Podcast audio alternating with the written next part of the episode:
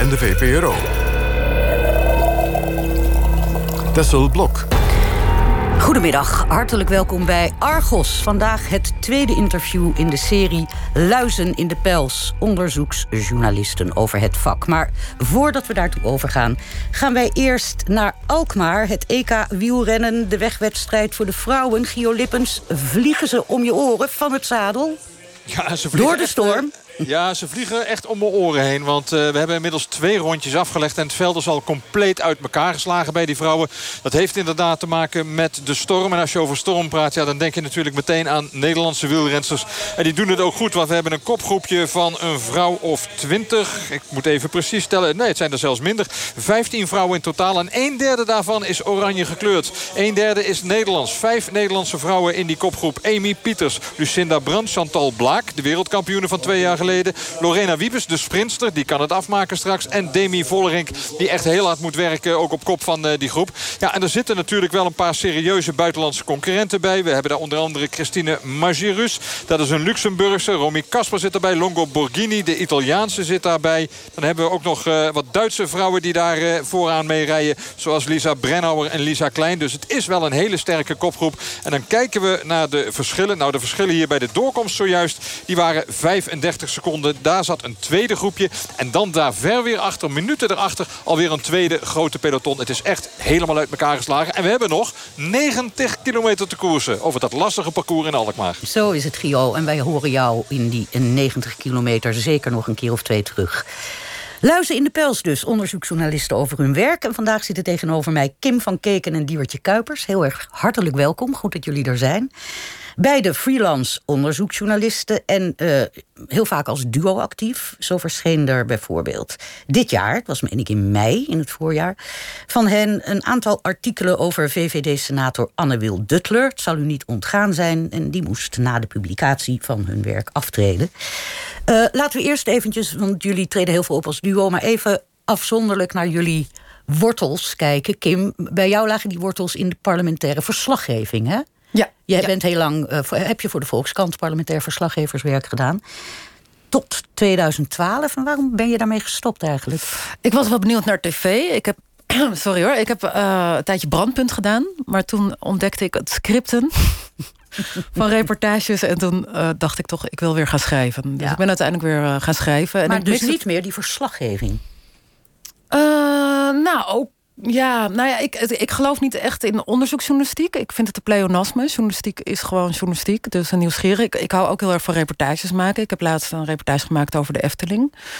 In Vrij Nederland. Dus het is niet zo dat ik alleen maar eh, eh, in de boeken zit.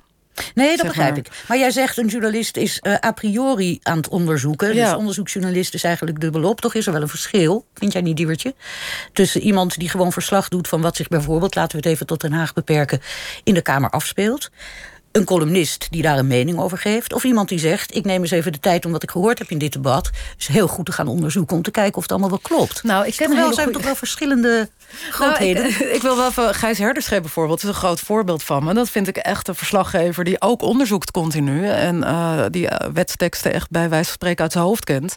En meteen ook weet wanneer er nieuws is. En wanneer er iets geks is. Dus eh, ja. Jij ziet niet zo heel duidelijk, dat verschil. Oké. Ehm, toen jij wegging, schreef je een boek. Ja, in datzelfde jaar. En dat was eigenlijk een soort overzicht van opkomst en ondergang van dat beroemde gedoogkabinet Rutte. Rutte met het CDA, met als gedoogpartner de PVV. Was, eh, zag je dat als een soort afscheid van, van, van dat dagelijkse handwerk in de Tweede Kamer? In die gangetjes rondlopend. Nou, Van het ene ruzietje niet. naar het andere vrolijke samen zijn. Het was trouwens superleuk om te schrijven, maar het was een soort haastklus. Snel voor de verkiezingen. Ik werd benaderd door een uitgever om een profiel te schrijven over Emiel Roemer, de SP'er. En ik zei, dat is een hele saaie man, dat moet je echt niet willen. En toen, Emmie Roemer. Ja, nou ja, daar kan ik geen boek over schrijven, zeg maar. Daar hangt niks aan wat van, spannend is. Nou, hij wilde iets hebben voor de verkiezingen, die uitgever. Dus toen zei ik, nou, ik, ik wil wel eh, anders een soort overzichtje maken. Dus het was, het was ook niet echt, weet je, het was echt wel een haastklus. Maar het was heel leuk om te doen. Maar ik zag het niet als een afscheid of zo. Oké. Nee. Ehm, je zei al, je hebt even bij de tv gewerkt. Hè? Maar goed, het, het, het- daar heb, had je een beetje je bekomst van. Toch maar liever schrijven. Ehm, in 2017 had jij een primeur samen met uh, Erik Smit bij Follow the Money. En dat ging over zakelijke aangelegenheden van de toenmalige voorzitter van de VVD, Henry Keizer. Zullen we heel even luisteren? Ik zal zo meteen uitleggen waarom. Naar een fragment van Nieuwsuur. Henry Keizer, sinds 2014 partijvoorzitter van de VVD.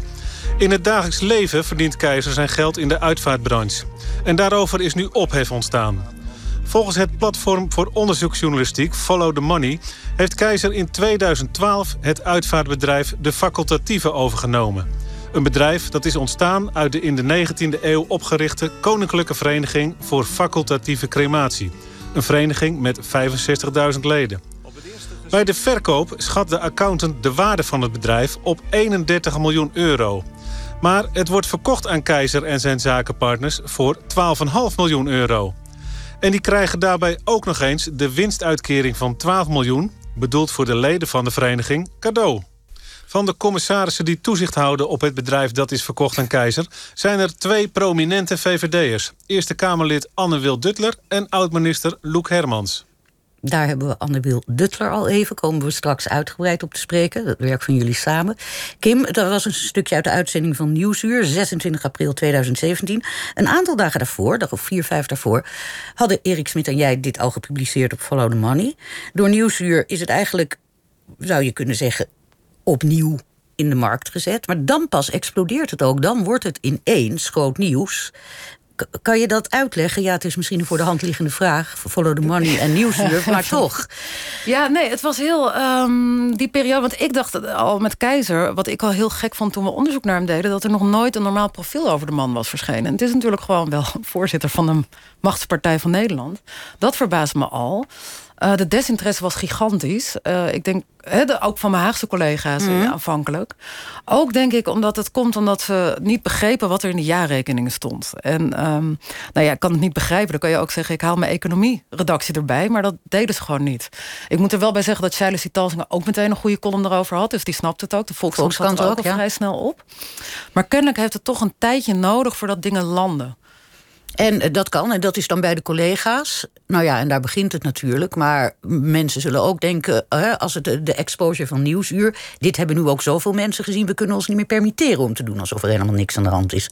Terwijl dat misschien bij een platform als Follow the Money... hoewel dat goed dat is dat beperkter natuurlijk, die impact. Nou, je, hebt, je hebt gewoon de grote media nodig. Als, je, als, als er iets moet gebeuren, als een balletje wil rollen. Ik, ik denk niet dat de VVD die hebben zo'n integriteitscommissie... Hè, waarmee ze kijken of iemand integer heeft gehandeld in iets. Die laat pas aan het werk gaan als het journaal erbij komt. Of ja. RTL Nieuws of Nieuwsuur. Niet omdat Follow the Money of Quote of uh, De Groene wat publiceert. Maar uiteindelijk is jullie spitten toch beloond. Want, uh, nou ja, hij moest aftreden. Dat is toch dankzij jullie spitwerk. En jullie kregen, dat is toch ook niet onbelangrijk... Erik Smit en jij werden uitgeroepen tot journalist van het jaar 2017. Mede ja. dankzij dit. Is, dat is toch wel een soort... Uh, ultieme prijs dan. Ja, maar ik voel me dan altijd weer... oh jee, dan moet het volgende weer zo goed zijn. en ik ben nog zo jong en dan moet ja, ik nu al... maar nu heb je die wat je aan je zijde, wie weet. Nu heb je een nieuw team. Even over jou. uh, jij werkt ook onder meer nu voor Follow the Money. Jij bent... Uh, uh, politicologe, gepromoveerd politicologe... met als specialisatie defensie. En jij hebt, ik heb een, een boek van je gelezen daarover...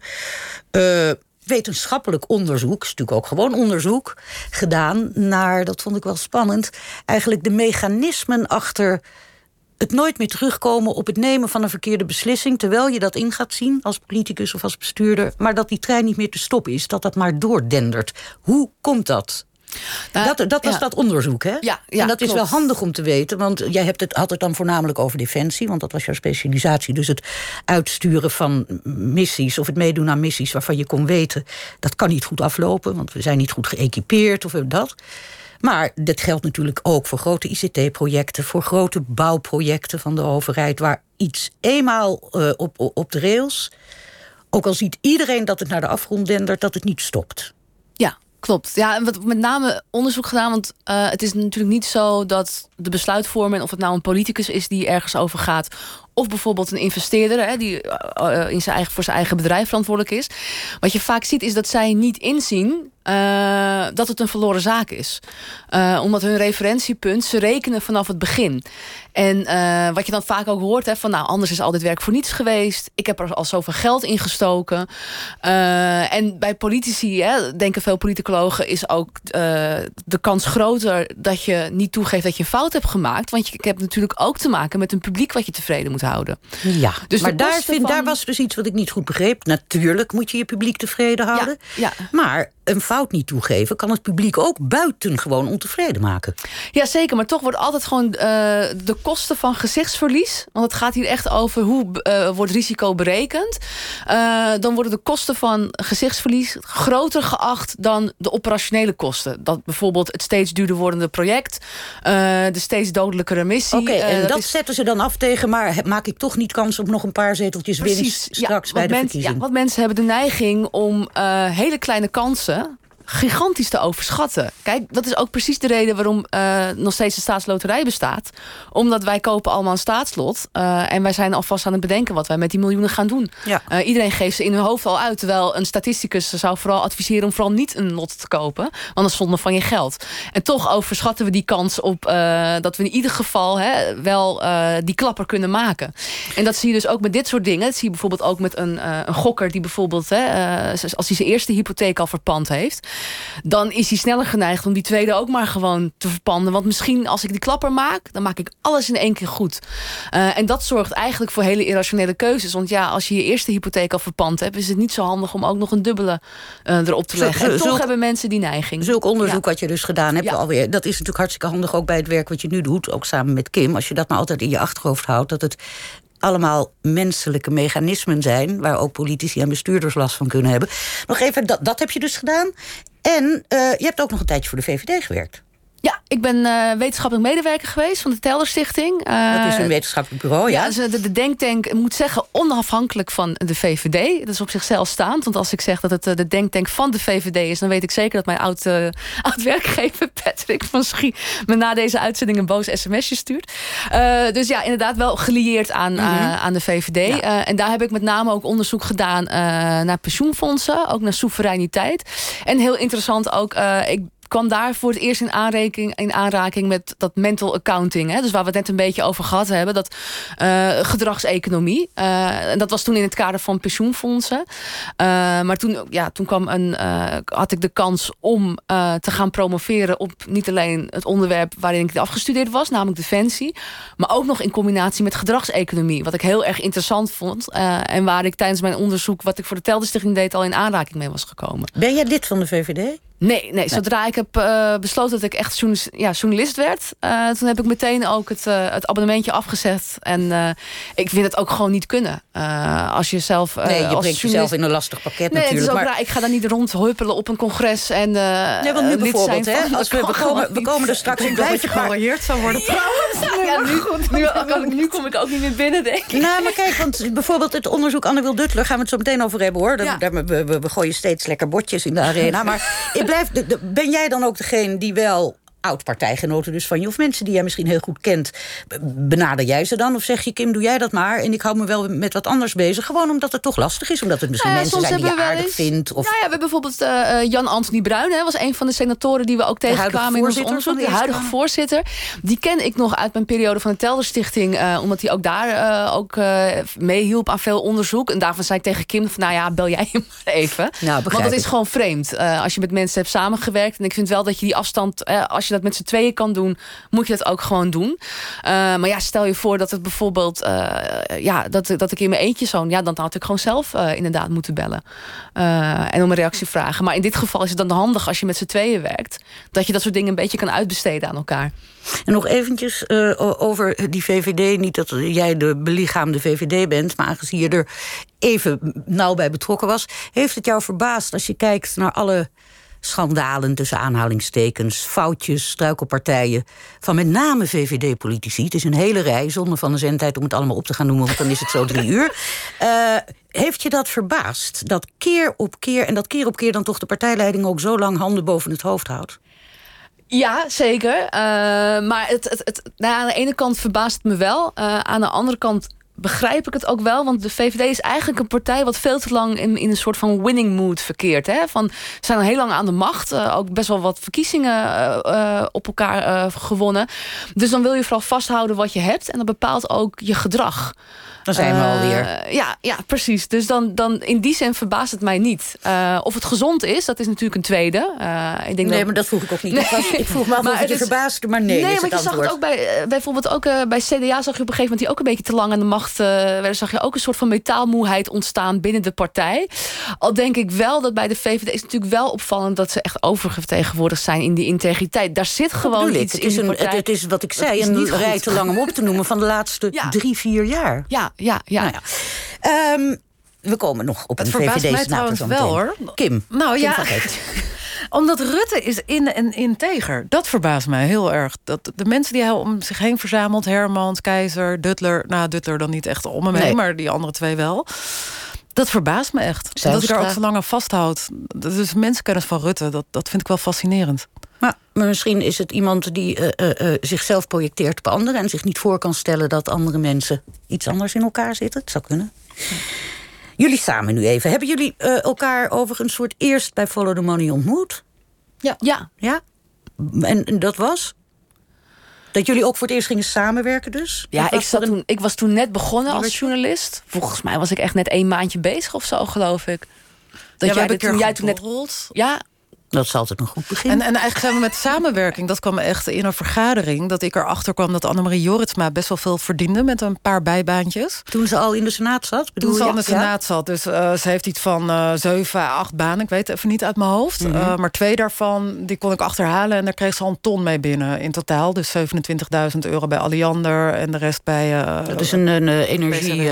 Ja, ja dus uh, en toen dacht ik, goh, het is best wel interessant om eens te kijken of we echt kunnen achterhalen hoeveel die senatoren nou bijverdienen. Het was een beetje ambitieus. En toen zijn we eigenlijk met die dataset. Maar toen zijn jullie samen, dat, dat was voor het eerst dat jullie samen gingen werken. Ja, ja. ja toen hebben we al heel snel bedacht van, nou ja, dat. Toen... Maar hebben jullie toen eerst, sorry dat ik eventjes uh, gedetailleerd ga, eerst gedacht mevrouw Jorritsma onder de loep. En toen al snel gedacht, nee, het is veel leuker om het grote geheel ja, te we gingen juist al heel vrij snel... Uh, was natuurlijk het idee van, dat is natuurlijk hartstikke interessant. Want kijk, Kim had het ja, bij, bij toeval, maar ook wel vrij makkelijk kunnen vinden.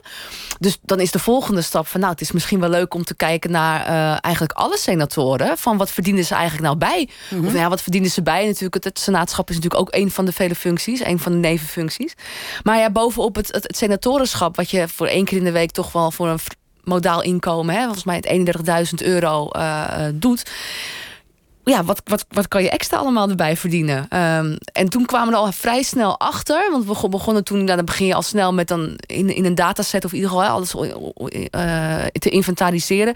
Zagen we al snel in heel veel jaarrekeningen stond het niet. Uh, als je dan ging nabellen, wilden ze het ook niet altijd even vaak zeggen. Dus we, liepen al heel snel um, vast. En dan ga je toch een beetje kijken van ja, maar wat kunnen we dan wel? Uh, Mag ik nog even toch terug, omdat het echt over de werkwijze gaat. Het is een beetje bij toeval. Jullie hebben al eerder toen we net even zaten te praten... voordat de uitzending begon, gezegd... alles komt natuurlijk toch voort uit een enorme nieuwsgierigheid... naar iets waar je vaak toevallig tegenaan loopt... en wat je nieuwsgierigheid wekt, Kim.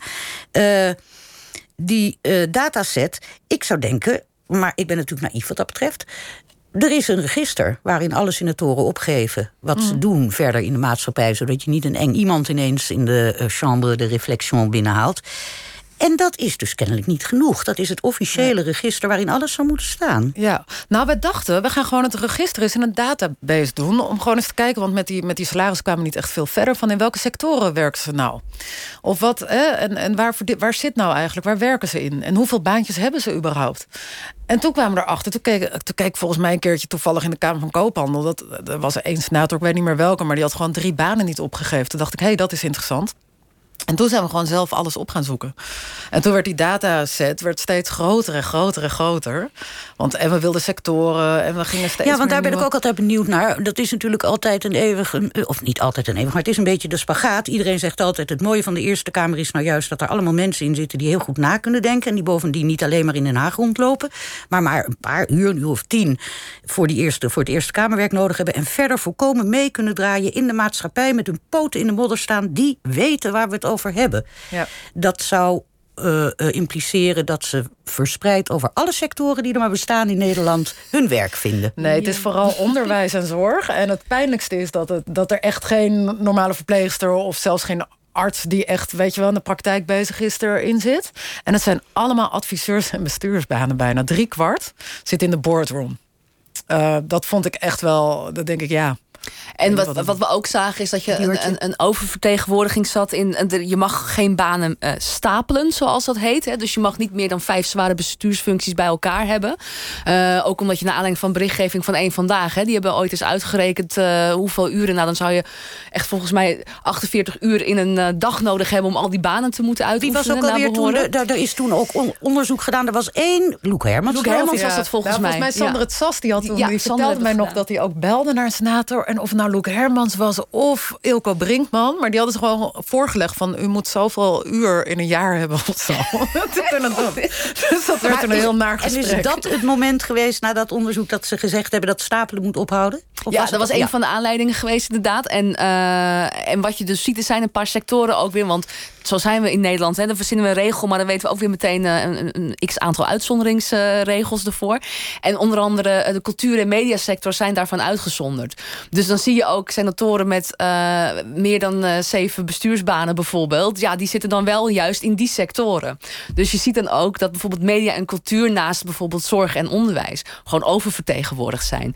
Uh, ja, en, en, en dat is dan wel... We hebben dan, vond ik, niet genoeg datapunten om echt te te kunnen zeggen van nou, dit doen ze omdat die uitzondering er is. Maar het is natuurlijk wel een opvallend piekje wat je ziet verschijnen tussen al die observaties. Wat jullie ook tegenkwamen met het opzetten, tenminste als ik het goed begrepen heb uit de stukken die ik gelezen heb, uh, het opzetten van die dataset, dat is nog een senator, sorry Diewertje, hoewel, nee, je hebt er niks mee te maken, ook weer een VVD'er, die ook wel weer een hele vreemde belangenverstrengeling had. Het is een man die geloof ik nu niet meer in de Senaat dat, zit. Maar dat die, moet meester Mart zijn geweest. Ja, die deed in elk geval belastingzaken en belastingwetgeving. En vertel even wat jullie tegenkwamen. Was een vrij opmerkelijk voorbeeld. Oh, dat was dus op de website. Ik keek gewoon op zijn website en daar stond echt uh, van... Uh, hij helpt eigenlijk belastingontwijking. Dus van, uh, wilt u wat minder vermogensbelasting betalen... dan kan ik u erbij helpen. Dat zegt hij op die dat site. zegt hij op zijn site. En daarnaast was hij senator die een strengere en helderder... en transparanter belastingwetgeving ja. moest ja. gaan. Ja. En elk jaar, je hebt elk jaar in de, in de Kamer... wordt het fiscale plan gepresenteerd. Dat gaat eerst de Tweede Kamer, dan de Eerste Kamer. En daar debatteert hij over. Fiscale zaken zat echt in zijn portefeuille. En was ook echt zijn hoofdonderwerp. Uh, ja. Het is toch, toch wonderlijk. Dat vraag ik me dan af voordat we zo even weer naar Gio gaan. Is jullie mond niet af en toe opengevallen? Of was het soms niet zo, wat ik had toen ik dit soort voorbeelden las... dat je af en toe ook gewoon een slappe lach krijgt? Dat je denkt, maar ja, dit heel veel. kan niet. Maar dan belde ik haar weer, want dan zat ze eindelijk even te eten met haar vriend... en dan zat ik weer van, nou, Diewertje, wat ik nou toch weer zie. Of andersom, weet je wel. Dus we, dan moest ik weer zeggen, nou, we gaan het toetje even overslaan... want we hebben. En wat natuurlijk dan het, het mooiste is, maar daar gaan we zo uh, uh, op door... is uh, dat je je afvraagt, en zouden die mensen zelf nou zo'n blinde vlek hebben... dat zij de bezopenheid hiervan niet inzien. Maar goed, daar gaan we zo meteen over verder. NPO Radio 1. Argos. En eerst gaan wij, zoals beloofd, even naar Gio... in het winderige Alkmaar. Het EK-wielrennen, de dames zijn op weg. Zeker, en er gebeurt genoeg in die eerste kilometers. We hebben nog 76 kilometer te rijden. De twee eerste groepen zijn weer bij elkaar gekomen... zodat we nu in totaal 37 vrouwen aan kop hadden. Maar uit die groep zijn ook alweer drie rensters weggesprongen. Amy Pieters, de Nederlandse. We hebben er een Duitse bij, Mieke Kreuker. En dan nog een Italiaanse die daarbij uh, zit. Ze rijden op dit moment langs de Sint Laurenskerk. Een van de ja, bekende plekken natuurlijk in Alkmaar. Ook langs de molen van Piet zijn ze zojuist gereden. Mensen die Alkmaar een beetje kennen weten dan dat ze echt dwars door het centrum van Alkmaar rijden met deze wedstrijd. Dat maakt het ook wel mooi voor het publiek natuurlijk. Wel veel kritiek geweest op het uh, parcours. Het zou te gevaarlijk zijn, met name door die wegversmallingen... en door uh, al die obstakels onderweg in het centrum van Alkmaar. Maar voorlopig gaat het nog redelijk. Hoewel, we hebben zojuist wel een valpartij gezien in het uh, achtervolgende peloton. Lotte Kopecky, een van de outsiders uit België. Een dame die toch ook redelijk snel is. En die al wat wedstrijdjes gewonnen heeft. Die kwam ten val op de kasseistrook. De kasseistrook die we hier hebben in het parcours op de Munnikeweg. En zij rijdt nu op achterstand. Dat doen trouwens ook nog een paar andere grote namen. Amelie Diederiksen, de wereldkampioene van een aantal jaren geleden in Doha rijdt op achterstand. Ellen van Dijk rijdt op achterstand. Die komen er echt niet meer bij. Want die zitten al minuten achter dat kopgroepje en dat eerste peloton. Het verschil trouwens tussen die kopgroep met Amy Pieters en dat eerste pelotonnetje is 15 seconden. Er kan nog van alles gebeuren. Oké, Gio, dat horen we later dan van jou. Terug naar onze luizen in de pels van vandaag in Argos. Dat zijn Diewertje Kuipers en Kim van Keken. Uh, een onderzoeksjournalistiek duo, noem ik het toch maar. Hoewel ze ook af en toe nog afzonderlijk wat doen. En dat duo dat zich samen, zoals ik al eerder zei... boog over de nevenfuncties van Eerste Kamerleden. En in dit voorjaar publiceerde over één van die senatoren... die tot dan toe niet zo heel bekend was, althans niet bij de buitenwacht.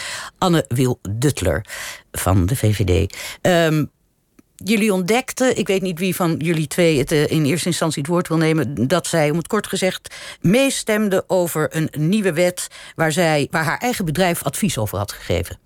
Ja, dat was eigenlijk het telefoontje van Kim. Terwijl ik uh, even uit eten was met mijn man.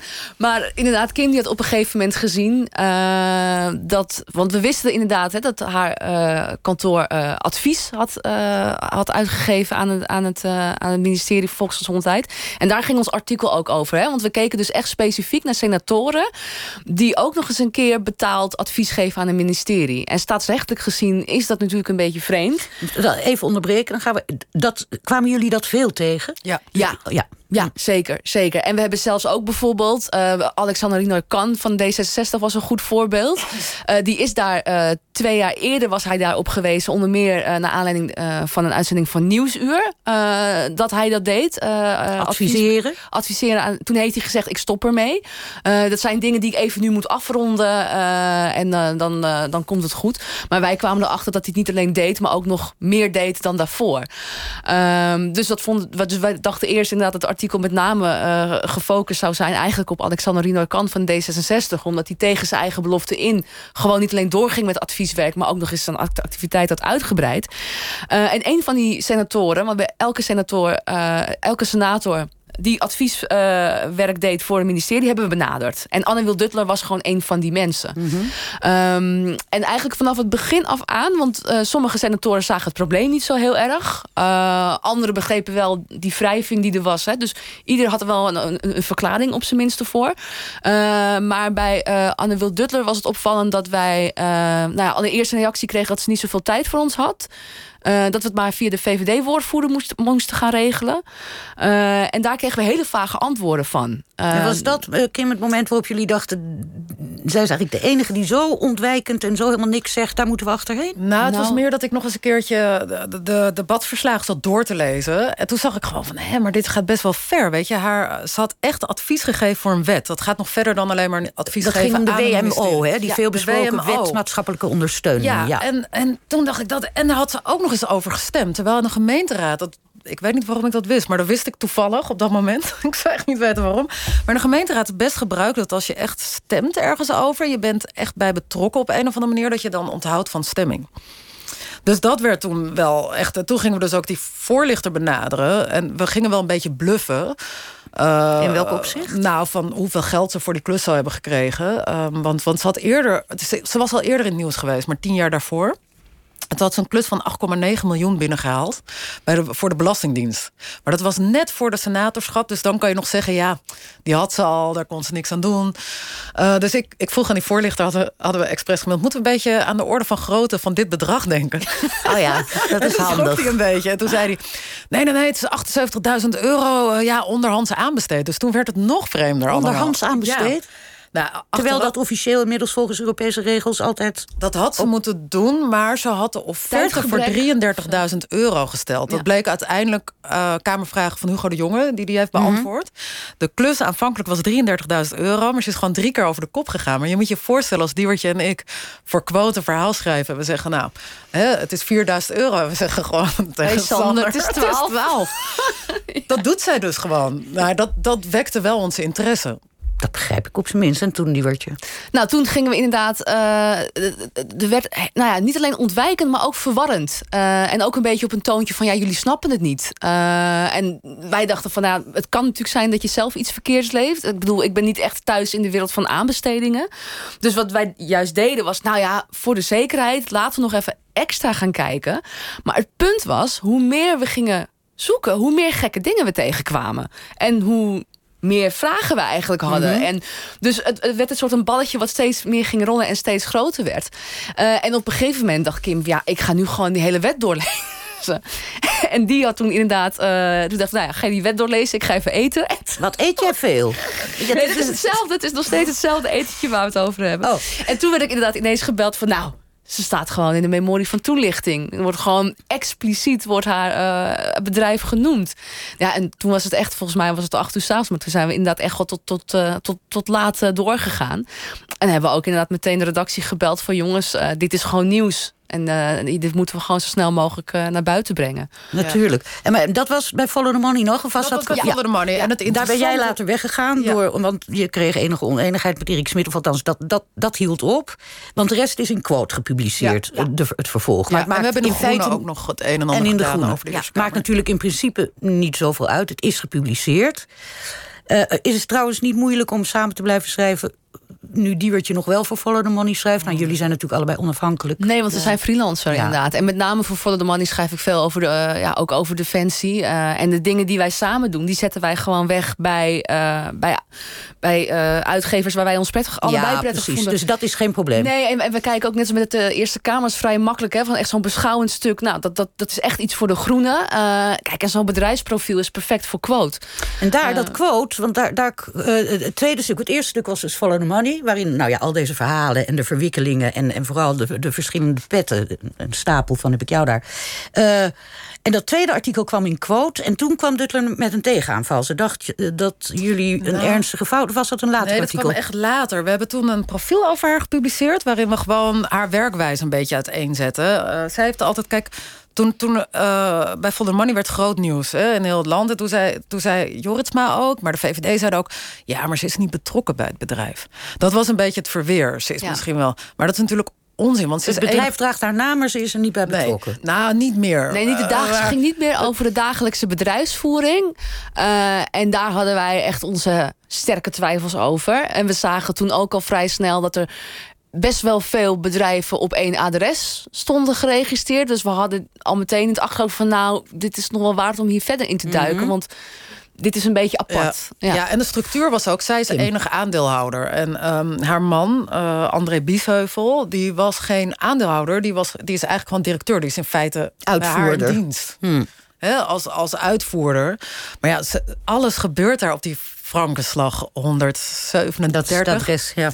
Uh, in Den Haag. En je ziet dus ook echt dat zij daar... Uh, zij heeft daar een advocatenkantoor ook nog, weet je wel. En ze procedeerde ook tegen het personeel, dat hoorden we ook. Uh, dus tegen het personeel van Dudler Associates. Dus al die bedrijven waren met elkaar verknoopt. in dat profiel hadden we, hadden we het een en ander neergezet... maar we kwamen er ook achter dat ze echt gewoon wanbetaler was. Dus dat ze gewoon bepaalde bedrijven niet betaalde. En ook haar personeel soms niet. En daar hebben we op een gegeven moment een follow-up over gemaakt. En toen is ze achter ons aangekomen. Dat was het artikel in quote waar zij op aansloeg. Ja. Want ze zei: Dit is smaad. Wat, wat, was, wat, wat wilde ze? Ze wilde jullie ze wilde een, een proces aan doen. Uh, rectificeren. En toen kwam ze inderdaad. Dan ging ze dreigen met een kort geding. Want we moesten het dan van quote afhalen. Maar we hadden gewoon. Ja, we hadden... Schrokken jullie daar niet van? Het lijkt me toch. Nee, toch nee? nee? We hadden alles zwart op wit. En ik heb dit eerder meegemaakt met de AMBO. Die, die, daar schrok ik toen wel van. De AMBO is de oudere, Algemene Ouderenbond. Ja, en daar zit een mevrouw Liane den Haan... die zich uh, als een zonnekoningin uh, naar die hele AMBO eigenlijk heeft... Uh, er waren allemaal regionale afdelingen. Ze heeft alle macht naar ze toegetrokken. En, en het is één grote black box wat daar gebeurt. Daar had ik een serie artikelen over gemaakt. En daar kwam ik ook toen voor de rechter. Um, daar schrok ik toen wel van. Van oh, oh, dat kan nou ook. Maar toen ik begon met Dutter, zei ik al tegen Diewertje... nou, hou er rekening mee. Die gaat terugslaan natuurlijk. Dus we moeten een beetje alles goed documenteren. En we hadden echt... We hadden gewoon gewoon uh, vanuit de kantonrechter hadden we gewoon bewijs dat zij moest schikken met personeel en, bedrijven. Ja, dus als inderdaad een dus- leverancier kwam of een oud werknemer van nou ik heb moeten procederen, zeiden we nou ja, dan willen we graag wel de gerechtelijke stukken zien. Ja, uh, we gaan het natuurlijk niet publiceren, maar we willen wel alles gewoon zwart op wit hebben. Maar dit ging dus alleen over haar over het wanbetalen. Dit hè? ging echt over haar bedrijf. Ja, ja, maar zo zijn we eigenlijk sowieso al met het quoteprofiel te werk gegaan. Dus we hebben echt eigenlijk toen inderdaad uh, ze echt met een kort geding kwam, toen was het echt een kwestie van nou een, een documentje en een, en een mapje pdf'jes doorsturen naar de advocaat. Dat was in no time geregeld. Want we hadden er echt voor gezorgd van echt alles wat we opschrijven, dat gewoon uh, dat het niet één keer zwart op wit, maar het liefst twee, drie keer dubbel uh, zwart op wit uit diverse bronnen is te bevestigen. En jullie wonnen die zaak. Ja. ja. ja. En toen en toen, uh, werd het interessante nou, was... Dat was heel, heel interessant. Ja, wat ik hier heb staan, omdat dat zo mooi klonk... Jullie winnen die zaak en toen werd het heel stil. Ja, een tijdje lang. Gek genoeg vraag ik jullie dan toch om even ergens naar te gaan luisteren. Want het was natuurlijk niet alleen maar stil. Uh, naar een klein fragment uit Spraakmakers op Radio 1... waarin jullie collega Nicky Sterkenburg zich daar over die stilte even heel erg boos maakt. Laten we even luisteren. Ze hebben eerder zo'n project gedraaid uh, op senatoren van de Eerste Kamer... wat die aan bijverdiensten hebben. Nou, daar kwam onder andere uit voort dat Anne-Wil Duttler... Um, meestemt over zaken waar ze zelf mee te maken heeft... waar ze zich eigenlijk van zou moeten onthouden. Daar hebben Diewertje Kuipers en Kim van Keek... een heel goed verhaal voor quote over gemaakt. Anne-Wil Duttler stapte naar de rechter... want die vond niet dat ze dubbele petten had. De rechter heeft nu bepaald dat quote wel degelijk goed zat... met die publicatie. En wat gebeurt er vervolgens? Het blijft gewoon stil op Haagse redacties. Ja, Haagse redacties, ja. Nou, Wat, dat, uh, leg mij eens uit. Nou, wat ik heel gek vond, toen, toen ze al ging procederen... toen had ik wel wat mensen geappt. Hè? Uh, gewoon van, joh, heb je gezien dat ze, uh, dat ze ons voor de rechter sleept? En toen kreeg ik van collega's in Den Haag... kreeg ik echt van... Uh, ja, ja, dat is aan de rechter hè, wie er wint. En toen heb ik wel gezegd, nou, als Denk er stond... dan waren jullie nu met twee satellietwagens er naartoe gereden. Ja, daar heb je wel een punt, zeiden ze wel. Dus dat was al voor de zaak. En het is natuurlijk het is een zittend volksvertegenwoordiger van een regeringspartij die twee journalisten voor de rechter daagt. Dat is natuurlijk echt opmerkelijk. Natuurlijk. Maar dat vonden de collega's toen al niet. En ook niet toen wij dus uh, de rechtszaak wonnen. Maar kan je, kunnen jullie, Diewertje of Kim, mij uitleggen waar dat je kan het, allerlei dingen kan je het benoemen. Je kan het gebrek aan solidariteit noemen. Je kan het gebrek aan journalistiek inzicht noemen. Dat kan je je bijna niet voorstellen. Je kan het opportunisme noemen. Waar ligt dat aan bij die collega's? Nou, wat, ik veel merkte, uh, en daarmee was echt nieuws. Ik denk ook wel wat uitzondering ook weer hoor. Maar uh, ik moet eigenlijk ook, moet ik ook meteen erbij zeggen van. Uh, en dat was meteen ook wel jammer. Um, dat bijvoorbeeld toen er wel aandacht voor was en Anne Wil Duttler ook bij Nieuwsuur zat toen merkte hij ook aan de vragen die gesteld worden... merkte ik voor het eerst van, oh wat fijn, ze hebben onze artikelen gelezen. En ik denk dat dat het gewoon is. Uh, ja, het zijn natuurlijk flink wat publicaties geweest. Uh, maar ja, je moet het wel even lezen. En ik, ik, ik, vermoed ook dat dat, of het wordt niet gelezen... of het wordt niet goed gelezen. Kim kende het misschien ook al een beetje van met de zaak Keizer. het wordt wel heel snel ingewikkeld geacht. Maar dat bedoelde ik helemaal aan het begin, als ik zo vrij mag zijn... wat ik vraag tussen het verschil tussen journalistiek van alle dag, het dagelijkse handwerk en dingen volgen en het iets diepgravender. Dit is toch wel een voorbeeld van het feit dat een, uh, alle goede collega's, uh, niemand ten na, of niets ten nadele van hen, maar dat die, die waan van de dag dus kennelijk toch ook wel heel erg doordringt bij mensen die gewoon elke dag ja, een dingetje uit Den Haag. Daar staat je er niet van om een artikeltje van een paar pagina's te lezen. Dat ben ik met je eens, maar kennelijk het is niet wij een dissertatie hebben kennelijk gebeurt het nee, maar, maar, er waren ook wel mensen die gewoon zeiden van... we vinden het een privézaak. En daar ben ik echt van van mijn stoel gevallen, weet je wel. Collega's of, of mensen Collega's, van... Oh die zeiden van, nou ja, maar dat van Duttler is privé... want dat ze wan betaalt. En denk ik, het is, het is potverdikke me de VVD, een ondernemerspartij. Uh, en ondertussen, uh, diezelfde mensen staan wel echt vooraan... als het over hand en broeken gaat, die wel of niet... Met een vrouw. Eh, dat, wat of als een GroenLinks stagiair niet netjes naar huis is gebracht. Ja, uh, dat soort dingen. Ik bedoel, dat, dat, het, het gaat... Ja. Eh, dan, dan staan ze inderdaad wel vooraan te smullen. Uh, en hier is het ineens... Uh, ja, het is een privézaak. Maar volgens mij is dat juist het hele punt van belangenverstrengeling. Is dat privé en, en die volksvertegenwoordiger... de verantwoordelijkheden door elkaar lopen. en wat mij het meest opviel... waar ik echt een beetje van geschrokken was... was van het is een privézaak. Dat is één op één de spin van de VVD.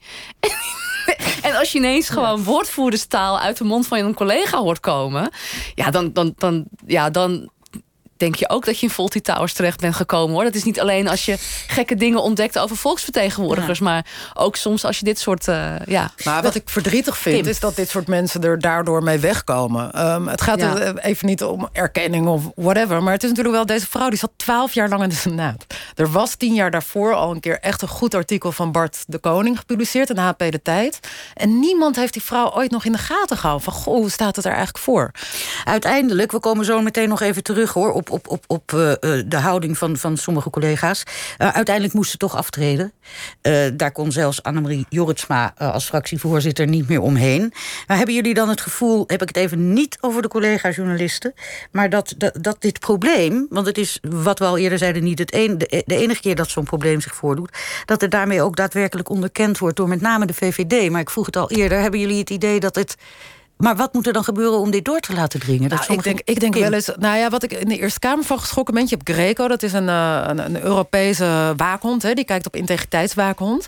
Die waarschuwt elk jaar, elk half jaar volgens mij. Want het gaat niet goed in de Senaat. En dan denk ik, hoe kan het dat, dat collega's dat dan toch een beetje laten lopen daar? Ik denk dat daar echt meer scherper. Nou, maar dat heb, heb je het weer even over de collega's. Ik heb het nu ook over bijvoorbeeld iemand als Annemarie Jorritsma. naar wie zelf nu ook een onderzoek uh, loopt. Over, over iets wat niet helemaal goed is gegaan bij een van haar toezichthoudende functies bij een elektriciteits- of bij een energiemaatschappij. Maar wanneer dringt het tot de mensen die, die er zelf als journalisten wakker worden en echt het vuur aan de schenen blijven dus leggen. Wel degelijk ja, bij ons journalisten. Het is hetzelfde met wat we net ook al zeiden over die publicaties over Duttler. Uh, toen echt die uh, publicatie over quote kwam. Nou, dan denk ik niet dat ze op het partijbureau zich erg veel zorgen maken. Het was pas toen Nieuwsuur vragen ging stellen dat ze dachten: oh, oh nu moeten maar daarmee zeggen jullie dus dat eigenlijk zijn jullie, zijn jullie als duo tot conclusie gekomen dat alleen maar wij eh, laat ik zeggen, de, de, de journalisten, de onderzoeksjournalisten, de mensen die, die, die moeten controleren en diep moeten graven, dat wij degene zijn die volwassen politici aan hun verstand moeten kunnen zien te peuteren dat ze iets doen wat niet netjes is. Ja, maar de follow-up ook. Dat is, lijkt een beetje op wat ooit uh, uh, Joop van Tijn en Max van Wezel, allebei jammer genoeg niet meer onder ons, uh, wisten te ontlokken aan Piet Steenkamp, de oprichter van het CDA, een van de oprichters, katholiek van huis uit. Die hebben ze ooit de uh, prachtige opmerking weten te ontlokken. Dat hij zei: Ja, bij ons katholieken is. Uh, hoe heet het? Ons gevoel voor wat kan en niet kan ietsje minder ontwikkeld dan bij de rest van Nederland. Zou dat dan ook gelden voor de liberalen? Zouden die dat gewoon niet inzien? Maar het is toch voor iedereen. Um, ik sprak, ah, welke hoogleraar was nou? Ik sprak een hoogleraar die zei ook: het is heel simpel. Zonder onafhankelijke toezichthouder, ook al ben je op een klein schooltje, gaan er dingen mis. En dat is niet omdat mensen bewust niet integer handelen, maar er ontstaat een cultuur. En als daar niemand naar kijkt, dan heb je gewoon met z'n allen dat gezellige cultuurtje. Ja, als je zelf onbespied waant. Uh, en ik denk dat we best best wel kunnen zeggen dat het de Eerste Kamer een instituut is binnen de Nederlandse democratie, wat relatief onbespied is. Dan uh, de normen en waarden van wat kan en wat niet kan, dat, dat, dat is een soort eigen, eigen biotoop gaat dat worden. En een, een deel van, nou ook wel een beetje het plezier wat we in ons werk hadden, maar ook de verbazing tegelijkertijd, was dat heel veel senatoren waren verbaasd over onze verbazing. Zo van ja, nou. Ja maar waar zeuren jullie over? Terwijl denk ik, ja, hallo, maar je hebt toch wel de gevoeligheid. Die, kunnen zich niet de gevoeligheid van spreken met, uh, met een dubbele tong. Hè, en en, en uh, een, een, baantje hebben voor een pensioenfonds. En ondertussen wel hè, uh, het woord voeren over pensioen. En meedenken over pensioenbeleid. die, die, die, gevoeligheid zit er dan niet. en ik denk dat dat wel heel belangrijk is. Dus om, ook om terug te komen van hoe kan je dan bijvoorbeeld zo'n liberale partij die continu een scheef, scheve schaatsrijd erop aanspreken. Dat moet ook echt de media doen. Door te zeggen van, oh leuk, jullie hebben een integriteitscommissie. Hoe ziet dat eruit? Wanneer is het rapport? Wanneer komt dat? Wanneer kunnen we die verwachten? En we zijn terug bij de media. Ja. En dan gaan we even. Ik, ik maak de brug. Uh, want jullie wilden allebei graag een fragment horen van Bas Haan. Die, uh, die voor Nieuwsuur de Teven Deal heeft onthuld. Hè? Het uh, eeuwig ontkende, de geheime deal die Fred Teven gesloten heeft met crimineel. Kees. En dat, uh, nou ja, hij heeft als staatssecretaris van Justitie moest hij opstappen. Nog veel meer om het lijf. Maar goed, dit heeft Bas Haan, de bonnetjesaffaire, heeft hij allemaal naar buiten gebracht. Um, ook hier duurde het behoorlijk lang voordat er politieke consequenties in elk geval volgden. Laten we even luisteren naar Bas Haan in gesprek met Max van Wezel. In ook een aflevering van Argos. De macht van beeldvorming hoeft niet alleen van autoriteiten binnen de regering te komen, maar kan ook van media komen, van, van ons. En op het moment dat zo'n campagne massaal omarmd wordt door de media... en dat beeld steeds versterkt wordt, dan, ja, dan wordt dat een waarheid op zich. En dat is wel dat is heel gevaarlijk. De beeldvorming is sterker dan de waarheid. Op het moment dat je die, dat, dat beeld uh, met zoveel kracht neerzet... wordt het echter dan echt. Fragment dus uit Argos 2016, waar Bas de Haan te gast was, ook als luis in de pels. We zaten al midden in dit verhaal. Uh, hij beschrijft dus heel duidelijk hoe hij te eigenlijk tegengewerkt is. Volgens mij ging dit ook over de Deventer-moordzaak, toch? Of niet? Want dat was ook zo'n campagne. Maar het gaat er wel om dat de media zich heel bewust moet zijn van, ik zie wel. Nou ja, hij, hij, gebruikt echt grote woorden. Jullie deden dat ook al een beetje. Maar hij zegt echt het tegenwerkt en, het, en de beeldvorming zo maken dat het echt gevaarlijk is. Dat je daar als pers in meegaat. Dat je eigenlijk je rol je hebt een verantwoordelijkheid. Want het is, kijk, als het gaat uh, als politicoloog, dan noem je dat elite-opinie. Uh, en met elite bedoel ik niet zozeer van uh, of je een tenniskakker bent met een mening. Maar elite-opinie is natuurlijk je positie in het debat. En jij hebt als krant of als, als, als medium, of wij ook hier, hebben een veel groter podium. Dus wij zijn, behoren tot de elite qua in hoeverre wij mensen bereiken. podium hebben, mensen bereiken. En dus ook die, die, die, die, die beeldvorming mede creëren. Niet alleen in je onderwerpkeuze, maar ook over hoe je een onderwerp benadert. Dus op een gegeven moment, als jij honderd keer gaat zeggen van nee, het is een privézaak. Het is een privé kwestie. Het is niet interessant. Ik zie er niks in. Dan wordt dat een waarheid op zich. Dan wordt dat een zelfversterkend effect. Uh, en, en, en dat is ook wat, waar Bas Haan ook terecht ook op wijst. Van, dat wordt een kracht op zichzelf. En het wordt gevaarlijk op het moment dat het ook in lijn is... met het narratief van de macht die je eigenlijk zou moeten controleren. En ik denk dat journalisten daar echt zich heel erg bewust van, uh, van moeten zijn. Van uh, ja, neem je nu iets aan van een woordvoerder... omdat het lekker logisch klinkt... Uh, en heb je wel genoeg, uh, ja, heb je wel genoeg onderzoek gedaan? Of heb je wel, ben je wel goed in je hoofd andere scenario's nagegaan. Heb, en heb je, zelf genoeg munitie veroorzaakt om tegengas te geven? Dat, en daar heb je onderzoek voor nodig natuurlijk. Ja, nou ja, ja maar ook gewoon scherpte, denk en, ik. En logisch denken, nee, zeker. En, ja, nou ja, wat mij, wat mij ook opvalt nu... er worden heel veel columns geschreven... maar ook gewoon analyses, reconstructies... Hè, over coalitiedingetjes. En bijvoorbeeld Carola Schouten, die lag eventjes... die was ergens in een conflict geraakt met de coalitie... kan hè, als minister van de ChristenUnie. En in Telegraaf stond een column en er werd echt gezegd van... Uh, ja, ze werd hysterisch, zeggen drie coalitiepartijen. ja, ja. Uh, en dan wordt er niet gezegd welke, maar ik vind dan... dat je als journalist er ook wel bij moet zeggen... wat het belang is van die drie coalitiepartijen om dat te zeggen. De ChristenUnie stond er redelijk goed voor toen in de peilingen. Die andere drie coalitiepartijen niet. Ze balen er een beetje van dat de ChristenUnie het goed doet. Dat zijn wel allemaal dingen die je mee moet geven. En dat is ook een verantwoording die je echt hebt als journalist. En ik vind dat daar wel makkelijk mee om wordt gesprongen. Als ik, als ik jullie hier zo over hoor, uh, hoe, voor jullie allebei, maar misschien denken jullie er hetzelfde over en spreken jullie als uit één mond. Als je dan kijkt naar de toekomst van de, ik blijf het maar even onderzoeksjournalistiek noemen. Vinden jullie die er rooskleurig uitzien? Twee punten. Als het gaat om uh, financiële ondersteuning daarvan, van grotere projecten en dus wat langere adem om ergens goed diep in te duiken. En dit, de houding, de, de, de, ja, de houding van sommige collega's. Hoe zie je het, Deal? Wordje, moet ik zeggen. je mag wat duw zeggen hoor. Nee, ik denk als het echt gaat om financiering, waar ik me heel veel zorgen maak, want er wordt heel veel geld uh, vrijgemaakt voor onderzoeksjournalistiek. Een deel van die onderzoeksjournalistiek uh, speelt zich ook digitaal af. Dat je toch wel ziet dat bij veel platformen ook heel veel uh, subsidiegeld en ook veel geld ook gestoken wordt in dingen zoals content managers, community managers, de uitgever.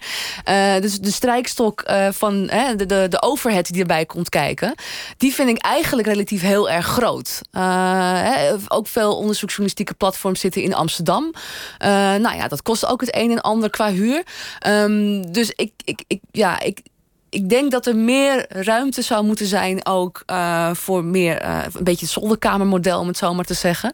Want eigenlijk wat journalisten nodig hebben, is gewoon een goed werkende laptop, een fijne koffie, leuke collega's om af en toe mee te sparren En gewoon ook vooral de vrijheid om hun ding te kunnen doen. Uh, en wat, wat, wat, wat mij af en toe ook een beetje tegen de borst stuit... is dat heel veel als journalist moet je jezelf als merk wegzetten. Uh, je moet je social media managen. Het is allemaal... Het, het, zijn die randzaken waar je heel veel tijd mee verliest. Als freelancer heb je daar gelukkig wat minder mee te maken. Kan je toch wat meer uh, een beetje ja, als vrijbuitertje... wat meer je eigen plan trekken. Maar ik vrees wel dat ook omdat het verdienmodel... niet zozeer meer zit in het maar meer in het verkopen van dan wel advertenties, dan wel het aantrekken van, van, van abonnees.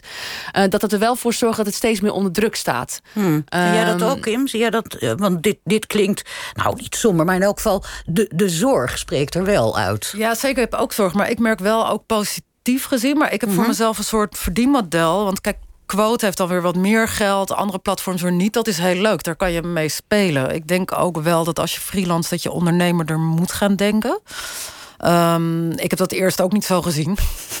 dus dan moet je allemaal spelenderwijs een beetje achter zien te komen. Maar ik denk wel dat er kansen liggen. Ik maak me vooral zorgen over jongeren die in de journalistiek komen. Dat ze weinig ruimte krijgen om zichzelf te ontwikkelen. Ik ben echt zelf nog opgeleid door twee van die oude knorren.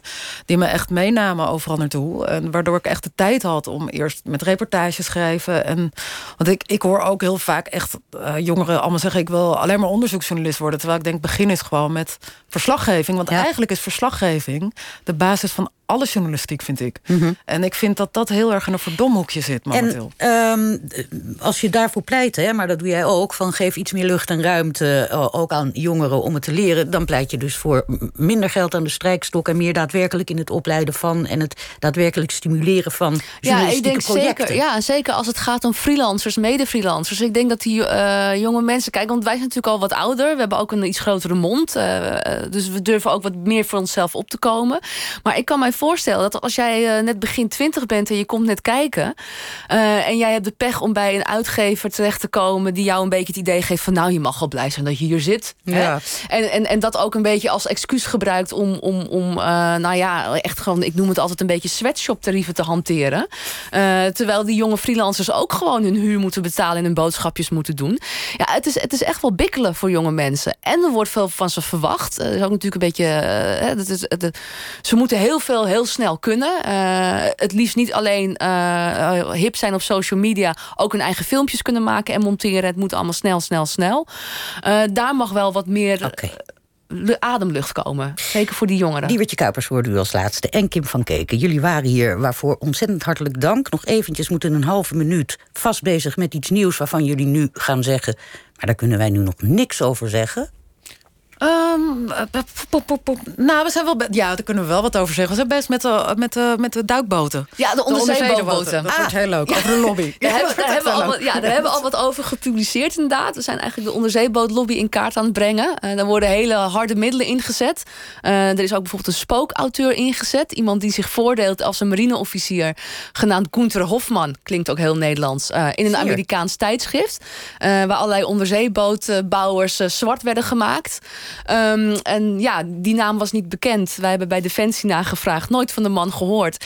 Uh, en het Amerikaans tijdschrift heeft dat artikel ingetrokken toen. Het bleek echt een spookauteur zijn geweest. Uh, uh, die is ingezet in die keiharde lobby. we hebben in de tussentijd ook nog veel meer andere opvallende dingen ontdekt. Maar dat kunnen jullie binnenkort in de groene en lezen. Dit is wel ook heel erg leuk. Nou hou je inderdaad letterlijk iets boven water. Wat geestig, wat eigenlijk onder water hoort. Maar goed, ook geen punt. Heel erg hartelijk bedankt. We kijken uit naar dat nieuwe project van jullie. Kim van Kees en Diewertje Kuipers. En wij gaan nog even naar Gio.